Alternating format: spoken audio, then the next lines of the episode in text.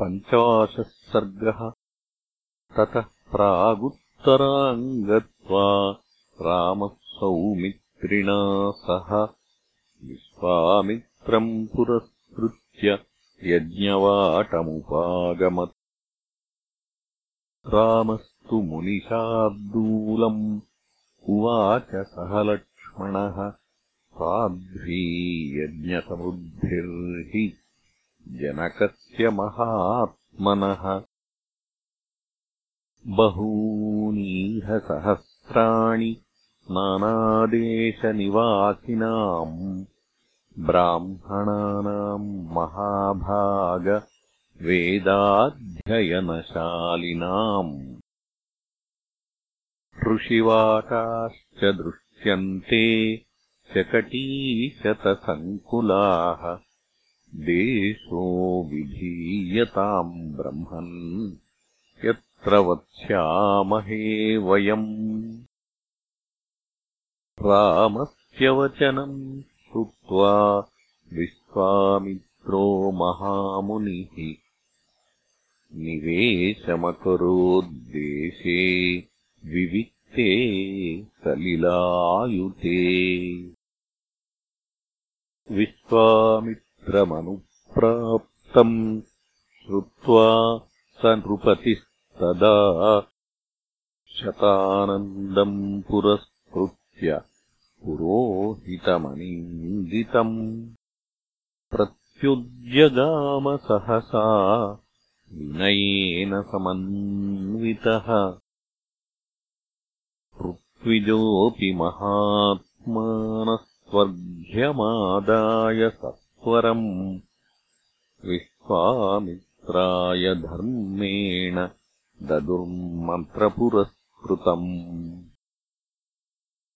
प्रतिगृह्य च ताम् पूजाम् जनकस्य महात्मनः पप्रच्छकुशलम् राज्ञो यज्ञस्य च निरामयम्।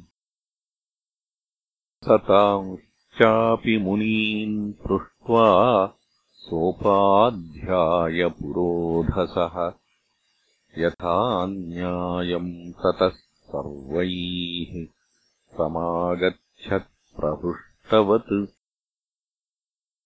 अथ राजा मुनिश्रेष्ठम् कृताञ्जलिरभाषत। आसने भगवानास्ताम् सहैभिर्मुनिपुङ्गवैः। जनकस्य वचः श्रुत्वा निशसादमहामुनिः पुरोधा ऋत्विजश्चैव राजा च सह मन्त्रिभिः। आसनेषु यथा न्यायम् उपविष्टान् समन्ततः दृष्ट्वा स नृपतिस्तत्र विश्वामित्रमथाब्रवीत्। अद्य यज्ञसमृद्धिर्मे सफलादैवतैः कृता अद्य यज्ञफलम् प्राप्तम् भगवद्दर्शनान्मया। धन्यो ्यनुगृहीतोऽस्मि यस्य मे मुनिपुङ्गव यज्ञोपसदनम् ब्रह्मन् प्राप्तोऽसि मुनिभिः सह।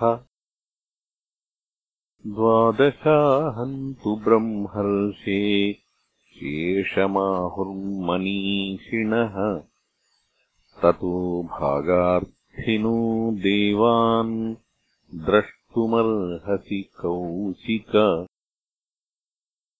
इत्युक्त्वा मुनिशार्दूलम् प्रहृष्टवदनस्तदा पुनस्तम् परिपप्रच्छ प्राञ्जलिः प्रणतो नृपः।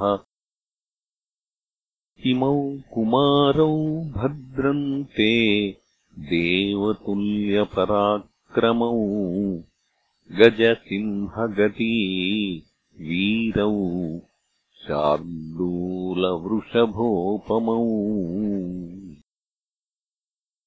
पद्मपत्रविशालाक्षौ खड्गतूणीधनुर्धरौ अश्विनाविवरूपेण समुपस्थितयौवनौ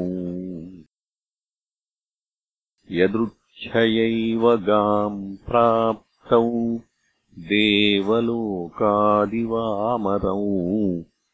कथम् पद्भ्यामिह प्राप्तौ? किमर्थम् कस्य वा मुने? वरायुधधरौ वीरौ कस्य पुत्रौ महामुने भूषयन्ताविमम् देशम् चन्द्रसूर्याविवाम्बरम् परस्परस्य सदृशौ प्रमाणेऽङ्गितचेष्टितैः काकपक्षधरौ वीरौ श्रोतुमिच्छामि तत्त्वतः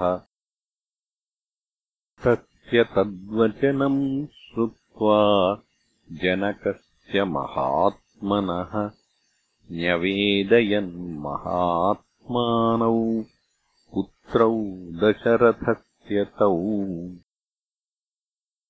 सिद्धाश्रमनिवासम् च राक्षसानाम् वधम् तथा तच्चागमनमव्यग्रम् विशालायाश्च दर्शनम् अहल्यादर्शनम् चैव गौतमेन समागमम्। महाधनुषि जिज्ञासाम्। कर्तुम् आगमनम् तथा। एतत् सर्वम् महातेजा जनकाय महात्मने निवेद्यविररामाथ विश्वामित्रो महामुनिः इत्यार्षे श्रीमद् रामायणे वाल्मीकीये आदिकाव्ये बालकाण्डे पञ्चाशत् सर्गः